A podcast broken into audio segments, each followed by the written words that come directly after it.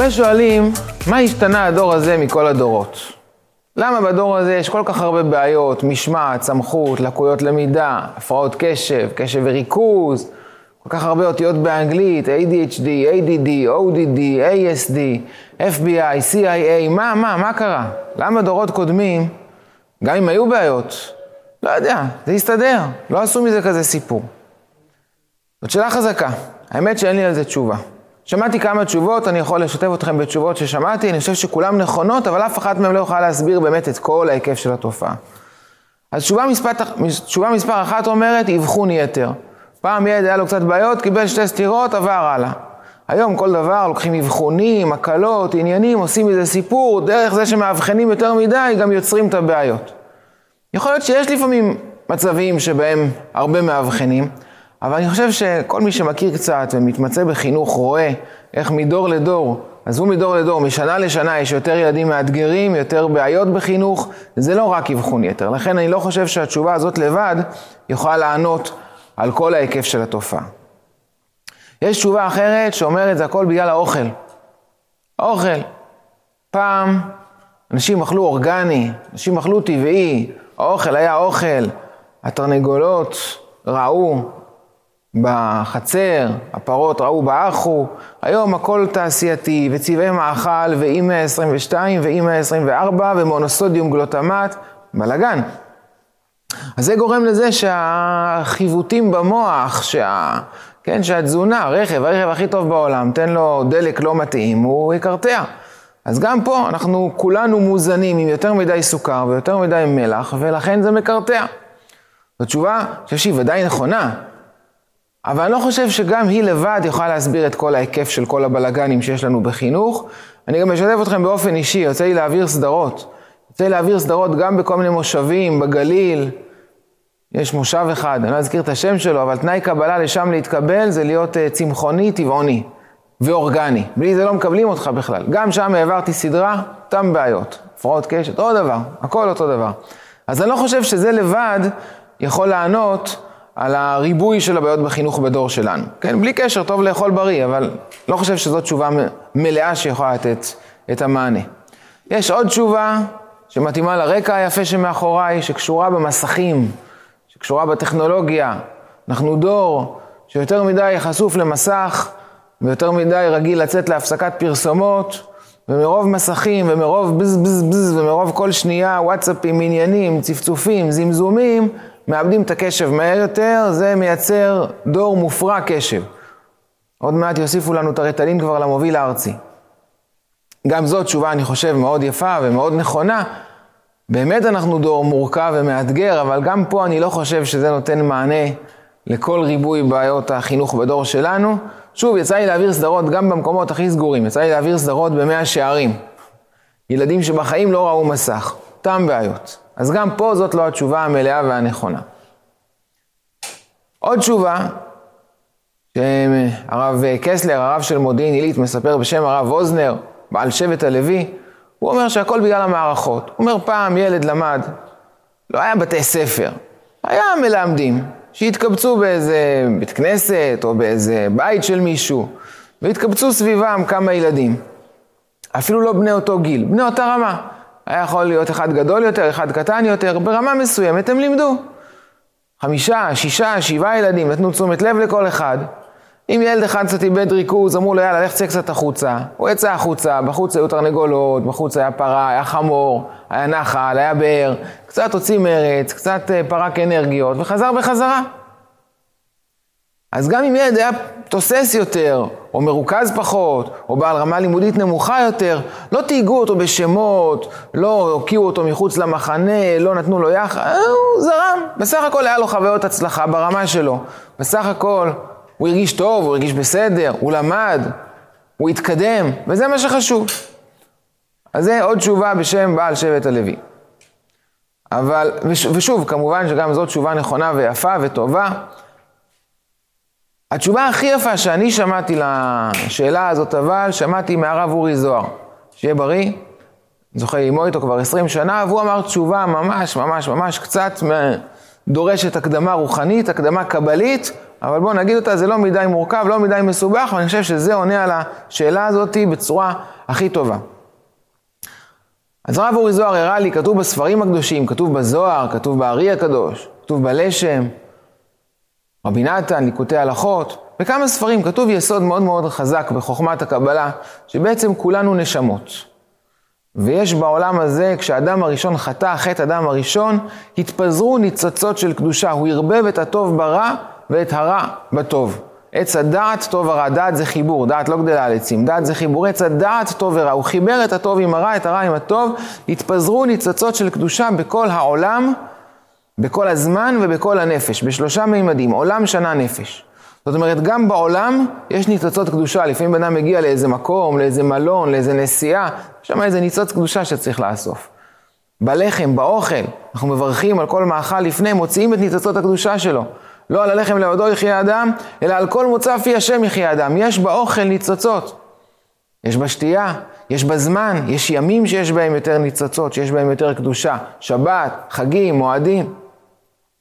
וגם בנפש, בנפש האדם, לכן אנשים מסוימים יש ביניהם לפעמים כימיה, ואנשים מסוימים פחות. זה הכל קשור, יש פה הכל חוכמה אלוקית קבלית שאנחנו לא מבינים אותה עד הסוף, לא יכולים להבין אותה עד הסוף, אבל אנחנו עובדים לפי ספר ההפעלה, לפי ספר ההוראות, והקדוש ברוך הוא מרחם ועושה את שלו, ואנחנו בעצם מקבצים את ניצוצות הקדושה. ניצוצות הקדושה האלה נקראים בשם ישראל, זה השם שלהם, אנחנו עם שקרוי על שם ניצוצות הקדושה האלה, והתפקיד שלנו זה לקבץ, כן? מקבץ נדחי עמו ישראל. כל פעם שיהודי עושה מצווה, עושה משהו טוב, הוא מקבץ ניצוצות. כתוב בזוהר שיש נשמות שהתפקיד שלהם הוא קצת יותר מורכב. הם נשמות סיירת, הם נשמות עילית. התפקיד שלהם זה קצת לרדת על מנת לעלות. לאסוף את הניצוצות שירדו לתהומות. לכתחילה לא נגיד לאף אחד, תשמע, אתה נשמה של סיירת, אתה צריך לרדת. חס ושלום, אנחנו מסוכן. בתהומות באמת מסוכן, יש הרבה זאבים, יש הרבה הסתבכויות, אנחנו לא רוצים. אבל עינינו הרות, יש ילדים טובים שגדלו בבתים טובים, ואף על פי כן הם הולכים למצבי סיכון יותר, הם יורדים, הם... אין מה לעשות. הם נשמות דתוהו, זה השם המקצועי שלהם, נשמות דתוהו. נשמות של תוהו, מעולם התוהו. הן נשמות מאוד עוצמתיות, מאוד חזקות. אבל התפקיד שלהם, המסע שלהם מחייב לרדת על מנת לעלות, כדי לאסוף את הניצוצות שבתהומות. הלל שמביא דוגמה לנשמה כזאת, הוא אומר, יוסף הצדיק היה כזה. יוסף הצדיק היה בחור טוב, מבית טוב. אבל מה לעשות, התפקיד שלו הרוחני היה לא רק ללמוד חברותא עם אבא שלו, עגלה ערופה, אלא להגיע למצרים, לערוות הארץ, למקום הכי נמוך, הכי טמא, הכי משוקץ, לאסוף משם את הניצוצות, להשאיר את מצרים כמצויה שאין בה דגן, שאין בה דגים, להוציא את כל הניצוצות ממצרים. לנצח, אסור יותר לגור במצרים כי אין שם יותר ניצוצות. זהו, יוסף הצדיק, זה היה התפקיד שלו. ולכן הקדוש ברוך הוא, אל נורא עלילה, סובב פה תסריט שלם, איך שולפים את יוסף מחברותא עם אבא שלו, יעקב אבינו, ומעבירים אותו כל הדרך למצרים. תסריט שלם. כתונת פסים, וימצאו איש בדותן, ויעלהו מעמק חברון. מה עמק חברון? חברון יותר גבוהה מירושלים. לא, זה חלק מהתסריט כדי לקיים את העצה העמוקה של הצדיק הקבור בחברון. כי זה התפקיד, זה, זה התפקיד של יוסף. יוסף זה, זה תפקידו, זה המסע שלו בעולם. להוציא עקר מזולל. חיל בלה ויקיענו. מאשפות ירים אביון. זה, זה התפקיד שלו, ולכן אין מה לעשות, אין פה אשמים, אין פה מישהו שעשה משהו לא בסדר. הכל חלק מהתסריט שהקדוש ברוך הוא ככה כיוון, ואומר על אשם בדור שלנו, בדור האחרון, יהיו יותר ויותר נשמות כאלו. שצריכות דווקא לרדת על מנת לעלות. לרדת על מנת להוריד את אור התשובה למקומות נמוכים ולהעלות משם את כל הניצוצות שהיו בלועים במקומות האלה. עכשיו, איך הקדוש ברוך הוא ישלח אה, מסר לאותן נשמות שהן צריכות לרדת על מנת לעלות? מה הוא ישלח להם הודעת וואטסאפ? ישלח להם מכתב בדואר רשום, פתק מצורף לאיזה חבילה מאלי אקספרס, נבחרת, אתה סיירת. לא, זה לא עובד ככה. אין בת קול. אז הקדוש ברוך הוא שולח כל מיני אותיות באנגלית. ADHD, ADD, PTSD, ODD, ASD, FBI ו-CIA. עזבו אותי רגע מהאותיות, האותיות נכונות, אני לא מזלזל. חוקרי המוח וחכמי הנפש באמת צודקים, אפשר לאבחן, אפשר למדוד, וגם צריך לאבחן ולמדוד כדי לעזור. אבל בסוף האותיות הן לא הסיבה האמיתית, הן רק הצורת ביטוי של משהו עמוק ופנימי יותר. הרי מה זה ADHD? זה לא שהקדוש ברוך הוא מאוד מאוד השתדל, מאוד ניסה, אבל לא כל כך יצא לו, יצא איזה נתק במוח, איזה קצר, משהו חסר בנוירוטרנסמיטורים, בקליפה הקדמית של המוח, לא, זה לא טעות, זה לא באג. זה פיצ'ר, זה הכל מכוון. זו דרכו של הקדוש ברוך הוא לגרום לאותן נשמות. לא ללכת במסלול הרגיל, בדרך המלך, ללכת בדרך אחרת, מדלג על הערים, מקפץ על הגבעות, לעלות, לרדת, זו, זו דרכם. והחלק הטוב זה שגם כתוב בספרים, גם בלשם, ליקוטי הלכות, הלכות ברכת הריח, ד' מ"ג, כתוב גם מה התיקון, איך אפשר לעזור לנשמות האלה לעלות, איך אפשר לעזור לנשמות האלה, הרי באמת בתהומות מסוכן, באמת מסוכן שם, יש שם באמת אה, זאבים, כוחות אה, שליליים מאוד, יש כאלה שמסכנים נתקעו שם לנצח. אנחנו רוצים לעזור להם לעלות, אז מה עושים? קודם כל מורידים אשמה. זה לא רק עכשיו הטעויות שלי. כנראה עשינו טעויות כהורים, זה בלתי נמנע.